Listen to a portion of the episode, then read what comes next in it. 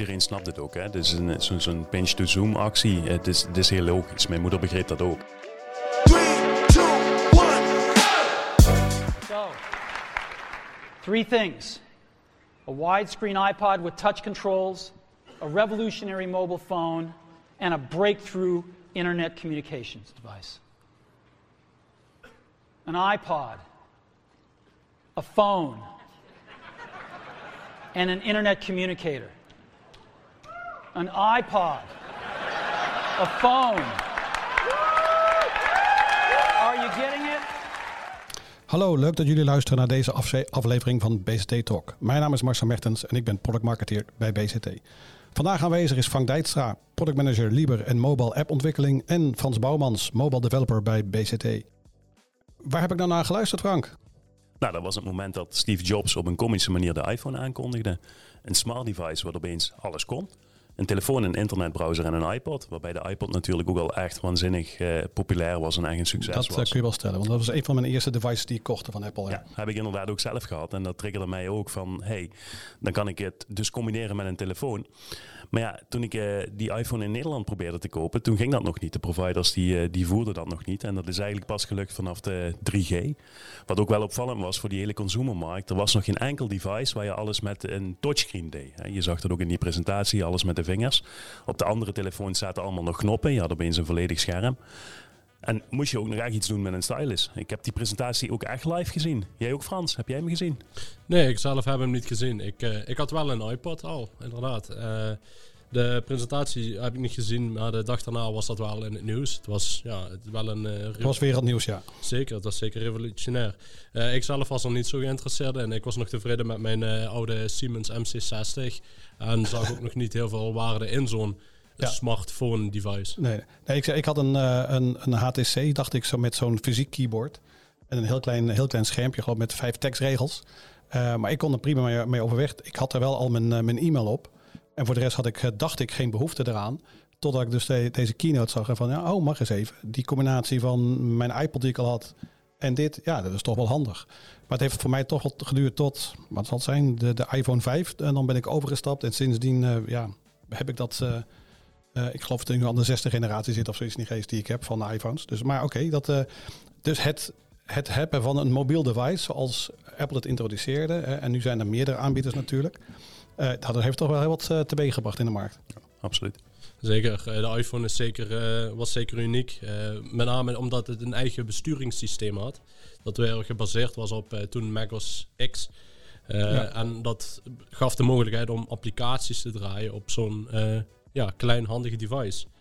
Um, jaar later uh, ja, kwam de App Store beschikbaar van Apple.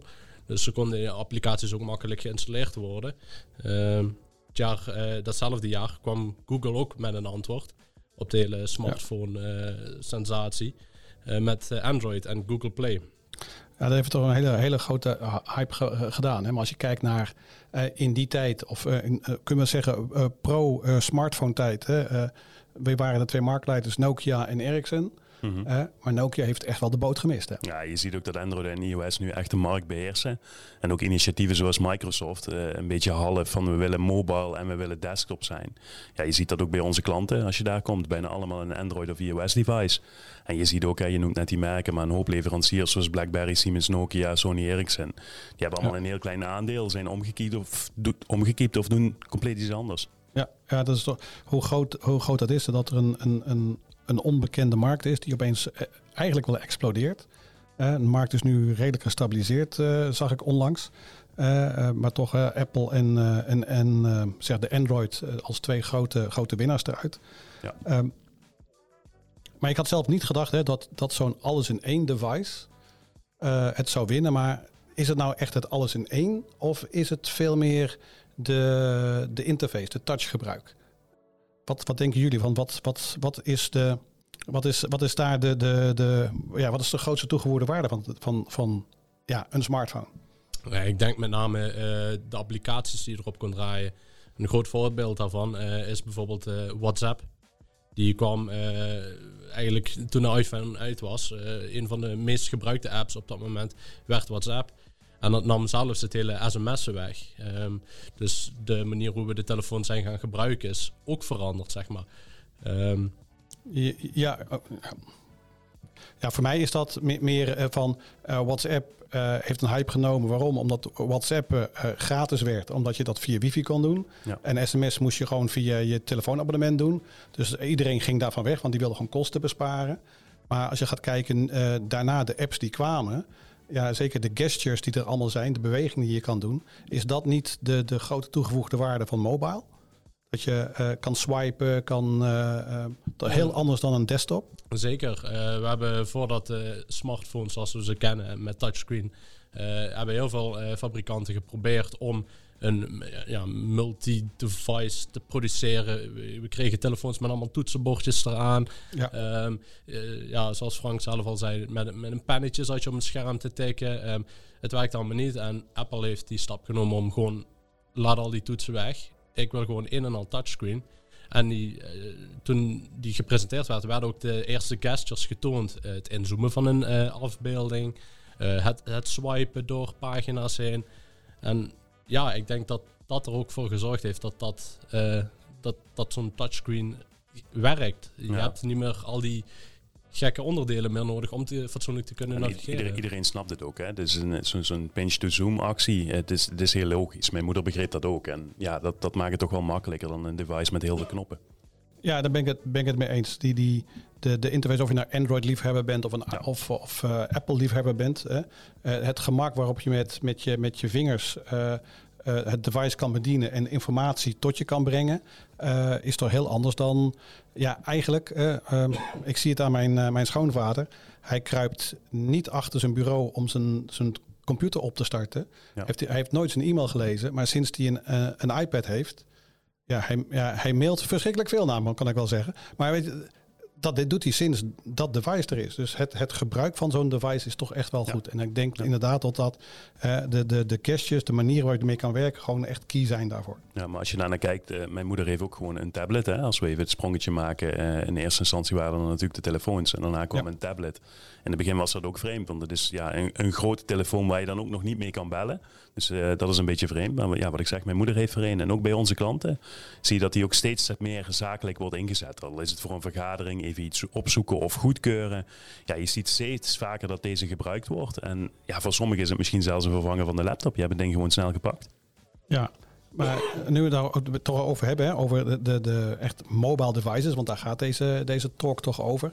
Uh, en de kracht daarvan. Uh, en de, maar wat is dan echt het verschil tussen mobile en een desktop applicatie of een, een webapplicatie? Een, een... Ja, uh, zoals Frank zelf al aangaf, ehm, voor sommigen is het zelfs een volledige vervanger. waarom? Applicaties kunnen veel specifieker gemaakt worden voor bepaalde use cases. Um, en daarnaast biedt zo'n apparaatje ook veel meer uh, hardware mogelijkheden. Denk aan een, een camera, bijvoorbeeld om uh, tijdens een vergadering een documentje in te scannen. Of mogelijkheden voor GPS om even te kijken wat er in de buurt allemaal ligt. Of er misschien een restaurantje in de buurt ligt. Daardoor kan je veel flexibeler op locatie ook dingen even snel doen. Ja, ja, ja dat begrijp dat, dat is het ding. Maar uh, het, um, het verschil met een, een, een, desktop van, van waarom zou je niet gewoon uh, een je, je applicatie die je hebt, hè, die via de browser, de webbrowser van je PC kan mhm. benaderen, ook gewoon benaderen via je, je iPhone en je tablet. Nou, wat je merkt, overal is een app voor. Hè? Je ziet dat, uh, dat dingen ook dubbel zijn. Je hebt een website of een app ervoor. Maar je merkt ook bij onze klanten dat de, dat de vraag naar mobile apps toenam. We hadden al een responsive oplossing, hè, wat je net ook wel zei. Van dus dat de applicatie schaalt waar hij op wordt afgespeeld. Maar er blijft ook altijd een, een, een, website, mobile beschikbaar, maar toch niet met de voordelen die een app heeft. Hè, die we net ook benoemden, door een touchscreen te gebruiken in plaats van een muis. Het gemak van een app is uiteindelijk toch wel erg anders. Dus dat heeft ons ook doen besluiten om de ontwikkeling van een, uh, ja, een dedicated app voor onze software te gaan onderzoeken. En toen kwam Frans aan boord, toch? Dat klopt. Ik, uh, mocht mijn, uh, ik was de opleiding op Hogeschool Zuid in Heerlen aan het volgen voor web en app development. En ik mocht mijn afstudeerproject bij BCT uitvoeren. En daar hadden zij de opdracht gelegen om inderdaad onderzoek te doen naar het ontwikkelen van mobiele applicaties binnen BCT. En dat begon eigenlijk allemaal met, ja, en wat gaan wij dat ontwikkelen? Hoe gaan wij dat ontwikkelen? Um, de voorkeur lag bij low-code en no-code uh, oplossingen. een beetje een what you see is what you get-achtig. je sleept wat knopjes. er komt weinig code aan te pas. Maar al snel merkte ik toch wel dat aan de hand van de requirements die naar voren kwamen, dat dus, er veel meer functionaliteit gevraagd werd dan dat die platformen vaak te bieden hadden. Uh, zo ben ik dus ook gaan kijken naar alternatieven. En hierbij is het open source platform uh, Flutter naar boven gekomen. Ik vind dat zo'n mooie naam, hè? Flutter. Ja. Van wie is Flutter? Dat, uh, dat is een, ja, zoals ik al aangaf, een open source project van Google. Mm -hmm. dus hun techniek is ook heel anders dan andere platformen. Zij maken gebruik van een, ja, een zogeheten render engine. Die dus het, um, het visuele rendert op het device met als voordeel dat elke applicatie hetzelfde uitziet uh, op elke telefoon, tablet. Um, daarnaast bieden zij ook een cross-platform uh, solution uh, met een single codebase. Dus Wat betekent dat, single codebase? Nou, dat houdt dus in dat je eigenlijk maar één keer je code klopt. En dat kan zowel gebruikt worden voor iOS, Android en zelfs voor web- en desktop applicaties. Dus je zou ook even zeggen een, een, een Flutter applicatie kunnen maken voor een desktop en een touchscreen? Absoluut. Oké. We hebben dus wel heel bewust, hè, we hebben het er net al even over gehad, iOS en Android zijn, zijn eigenlijk de populairste devices. Flutter ondersteunt beide. Dus ja, wat eigenlijk net al is gezegd, je hoeft maar één keer te programmeren en je kunt uiteindelijk beide uh, ja, platformen ondersteunen daarmee. Um, ja, zoals Frans al zei, we waren ook heel tevreden over het resultaat. Hè, en wat met Flutter kon. We hebben ook een POC gedaan. En we hebben hem een, ook in dienst genomen. POC voor de mensen die het niet weten. Proof of concept. Proof of concept dus we, hebben, we hebben eerst iets gemaakt. En uh, we, zijn, we hebben vooral met onze klanten gebrainstormd van ja, wat zou zo'n app dan ook moeten kunnen voor onze producten. Dat was wel moeilijk. Um, wat we daar wel merkten is dat je erg moet opletten dat klanten niet een app willen waar alles in zit. Dus dat je feitelijk een soort van website gaat veranderen. Je moet ja, eigenlijk, ja, ja. Dat, uh, dat Ik ben ook bij die gesprekken geweest en, en dat zie je inderdaad van als je dan vraagt wat, wat zou je dan willen en dan kwamen al die dingen op die eigenlijk ja, via de webbrowser ook toegankelijk zijn. En dan mis je de kracht van, van touch-based van mobile. Ja, kijk, wat je eigenlijk hebt, je moet steeds afvragen wat je doelgroep is. Dus wat ga je ermee doen? Want een app is ja, eigenlijk meestal vooral bedoeld voor onderweg of even snel iets te doen. Je volledige werk, uh, ja, zeker in onze tak van sport, ga je hier niet volledig op uitvoeren. Dus toen de requirements duidelijk waren, ja, is Frans eigenlijk aan de slag gegaan met Flutter en hadden we snel een prototype uh, die de klanten konden beoordelen, waar weer meer feedback uitkomt. En uh, ja, ik denk dat we nu een mooi product hebben. Is je nog iets tegengevallen aan het ontwikkelen in Flutter? Nee, Flutter is absoluut niet tegengevallen. Um, de learning curve uh, ligt goed, dus het is makkelijk op te pakken. Uh, zeker als je er nog helemaal niet bekend mee bent met een platform. Um, ik heb ook daardoor heel veel kennis kunnen opdoen tijdens het bouwen van die, van die POC. Um, daarnaast wordt Flutter heel actief ontwikkeld en ondersteund, en ondersteund door een hele grote en ook steeds groeiende community. Dus informatie en ondersteuning vind je heel snel. En dus ik liep eigenlijk nergens vast. Maar en, en, welke andere dingen dan? Van, ja, uh, het klinkt zo makkelijk dan, hè? van een, een, een app ontwikkelen, doe je, dat doe je toch zomaar even. Maar wat voor andere dingen uh, kun je zeggen van, ja, van daar heb je echt aandacht voor nodig? Ja, dat is toch wel het, design en het UX-design geweest. En dat houdt zeg maar in, ja, wij, wij, wij zijn aan de slag gegaan met een van de platformen van, van Liber. Of, wij zijn aan de slag gegaan met een van de platformen van BCT, Liber in dit geval. Er is heel veel gegevens en dat moet je toch weer ja, compact houden, overzichtelijk, gebruiksvriendelijk. Handelingen die je moet doen in die app wil je ook zo kort mogelijk houden. Je wil niet dat iemand tien keer moet klikken op dat scherm om iets te doen. Um, ja, en als je dat niet goed hebt, dan, dan is de kans gewoon heel groot dat gebruiker meteen afhaakt.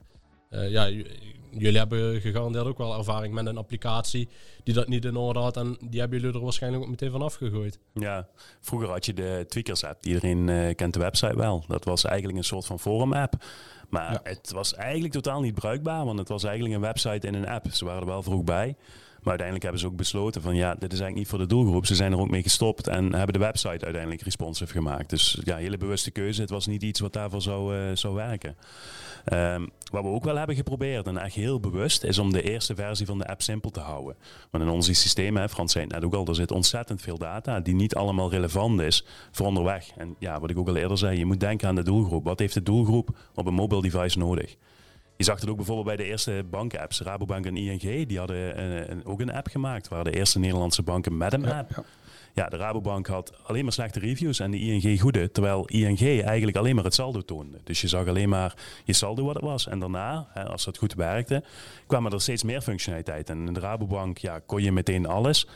Maar dan weer bij een, waarbij we dan weer bij een eerste variant allemaal fouten zaten. Voor de gebruikers was het al nieuw. Hè? Van, ik ga dat in een app doen. En ze kregen meteen de hele, hele wereld aan functionaliteit. Ja, eigenlijk een voorbeeld denk ik uh, van Less is More voor, uh, voor de ING. Ja, en uiteindelijk hebben wij ons eerste resultaat gedeeld met onze klanten. En toen begon het feest van de app in de App Store te krijgen. Wat natuurlijk voor ons ook nieuw was. Ja, maar voordat we dan naar het feestje gaan van, ja. uh, van het in de App Store krijgen, is van... Uh, Frans, hoe heb jij dat ervaren of hoe, hoe zie jij dat? Hè? Want je, je, we hebben nu een, een app ontwikkeld hè? Uh, uh, op een proof of concept, de eerste versie. maar hoe, hoe, hoe kunnen we nou snel updates brengen? Want je kan wel minder functionaliteit brengen, maar de klanten gaan om meer functionaliteiten vragen. Van, kunnen we dat snel uitbrengen? Um, als, als, als de applicatie eenmaal in de App Store staat, zijn updates vrij snel er doorheen gevoerd. Dat duurt, ja, verschilt Apple en Google verschillen daarin qua tijd, maar je kan ervan uitgaan als er niks mis mee is binnen een dag. Dat, maar dan, dan staat hij dus, jij zegt dat, dan staat hij dus al in de App Store. Dus uh, ja. we hebben hem nu in de App Store staan. Uh, dus als we nu een, een functionaliteit toevoegen, kunnen we het heel snel ja, pushen naar, naar alle gebruikers toe. Maar uh, Frank zei het ook al van, wat hebben we moeten doen? Waar liepen we tegenaan om het in die App Stores te krijgen? Ja, het is uh, bij de App Stores, en hebben we het over de, de Apple App Store en de Android Google Play Store, hanteren eigenlijk een eigen regels en richtlijnen over waar moet een app aan voldoen. Um, op het moment dat jij een app gaat uh, toevoegen aan de App Store, zeg maar, dan uh, wordt die ook gecontroleerd. Dit gebeurt grotendeels geautomatiseerd, maar ook enkele onderdelen worden werkelijk handmatig uitgevoerd, zeg maar.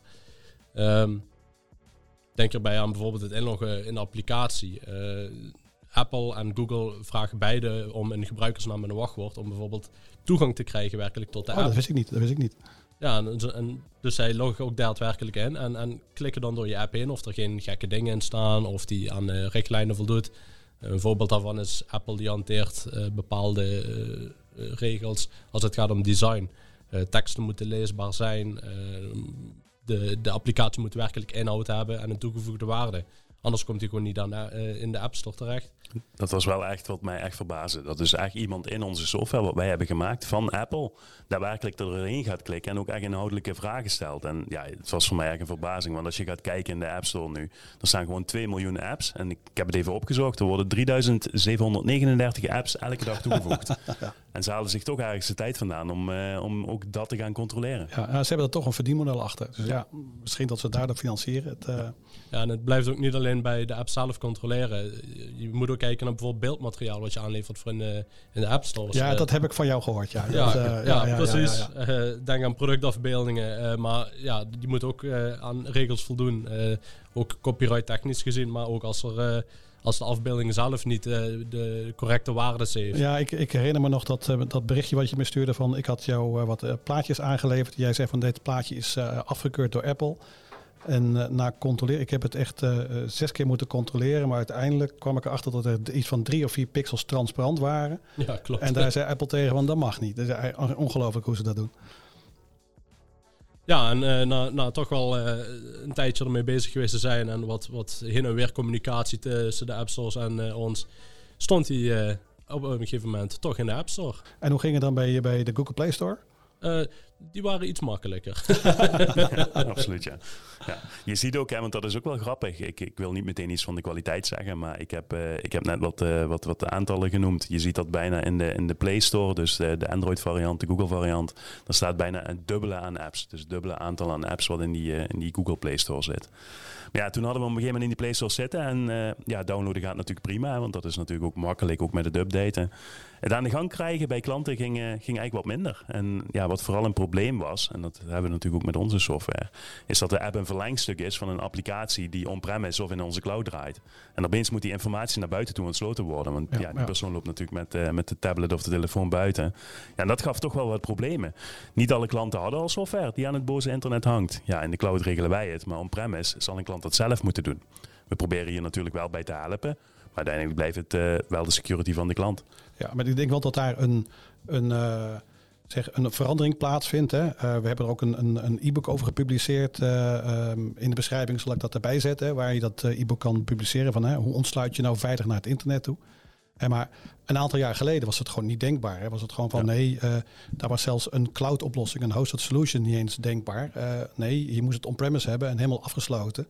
En nu zie je wel langzaam tot die, die migratie, om het maar zo te zeggen, naar, naar cloud, naar het openstellen van informatie, tot wel gaat. En ik zelf persoonlijk denk ook dat daar de afgelopen twee jaar de coronacrisis wel bij geholpen heeft. Hè? Mensen meer thuiswerken en wat voor uh, hard werken onze, uh, onze regionale overheden gedaan hebben. En ook andere bedrijven om het thuiswerken mogelijk te maken. En daar liep je daar tegen ook dit soort dingen aan. En van hoe kom ik veilig bij de data van, van mijn bedrijf. Wat ik normaal vanuit het bedrijfsnetwerk doe.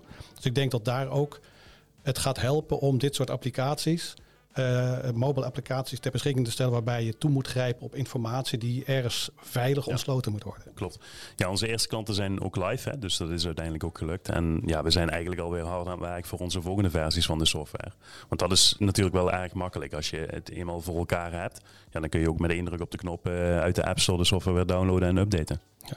Uh, Frank, je zegt een beetje een brugje. Je zei het al van, van we hebben nou de, de twee apps klaar hè, voor ons Liba-platform, ons zaaksysteem, ons Corsa platform, onze, onze DMS RMA-platform. Mhm. Maar hoe zien jullie beide de, de toekomst voor mobile?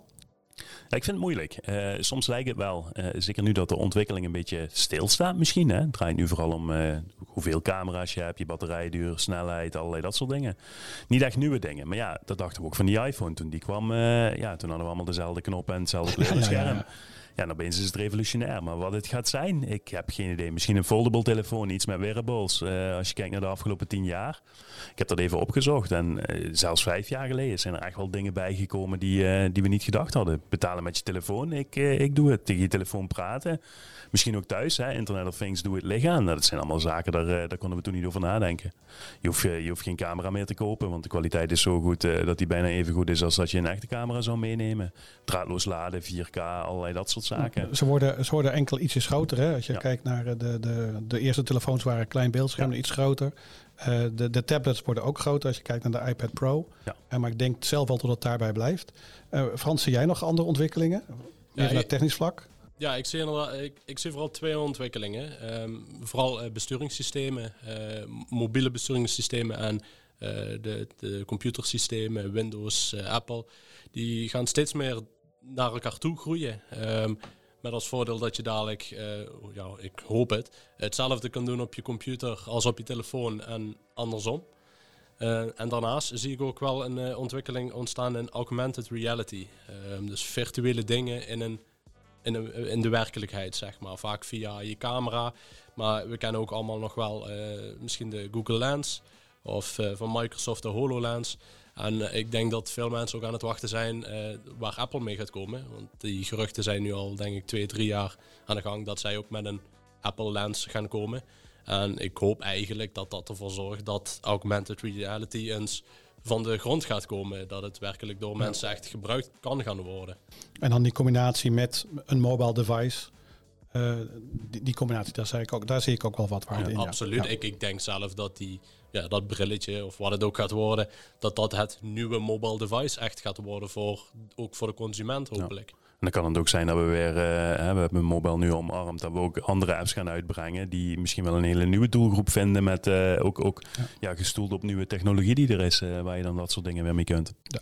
Maar los daarvan, je hebt je mobiel device, maar een mobiel device kan niet zonder data, zonder mhm. informatie. dus als wij in staat zijn om die informatie te ontsluiten, naar dat device toe. of de HoloLens gebruiken om informatie uit onze, onze Enterprise Information systemen te halen. Ik denk dat daar een hele grote waarde ligt. En uh, ik kijk ernaar uit naar, uh, naar die ontwikkeling. Ja, ik ben echt heel benieuwd waar we over vijf jaar staan. Als je ziet hoe snel dit allemaal gaat, deze ontwikkelingen. Ja, ik kan niet wachten. Um, Oké, ja, uh, ik, um, ik wil graag afsluiten, heren. Dank jullie wel voor jullie aanwezigheid. Uh, en luisteraars, mocht je vragen hebben, geïnteresseerd zijn in mobile, mobile ontwikkelingen, uh, Frans en Frank zijn, ja, komen graag met jullie in contact. Dus laat het ons gewoon weten. voor nu hartelijk dank voor het luisteren en hopelijk tot de volgende keer. Top dat je weer geluisterd hebt naar een aflevering van de BST Talk podcast. Wist je dat je heel simpel een review kunt achterlaten om te laten weten wat je van deze podcast vindt? Ga naar je podcast-app en klik op reviews. Laat bijvoorbeeld 5 sterren achter en als je wilt ook nog een geschreven review. En wil je voortaan alle nieuwe afleveringen van deze podcast overzichtelijk onder elkaar? Abonneer je dan op deze podcast. Klik hiervoor in je podcast-app op de button subscribe en je ontvangt automatisch een berichtje als er een nieuwe podcastaflevering is verschenen. Vind je deze aflevering nu interessant en ken je iemand die dit wellicht ook interessant vindt, dan zou ik het waarderen als je deze podcast deelt. En ben je door deze podcast enthousiast geworden? Bezoek dan ook eens onze website op bstsoftware.com. Dat is dus bstsoftware aan elkaar vast.com. Nogmaals bedankt voor het luisteren en graag tot de volgende keer.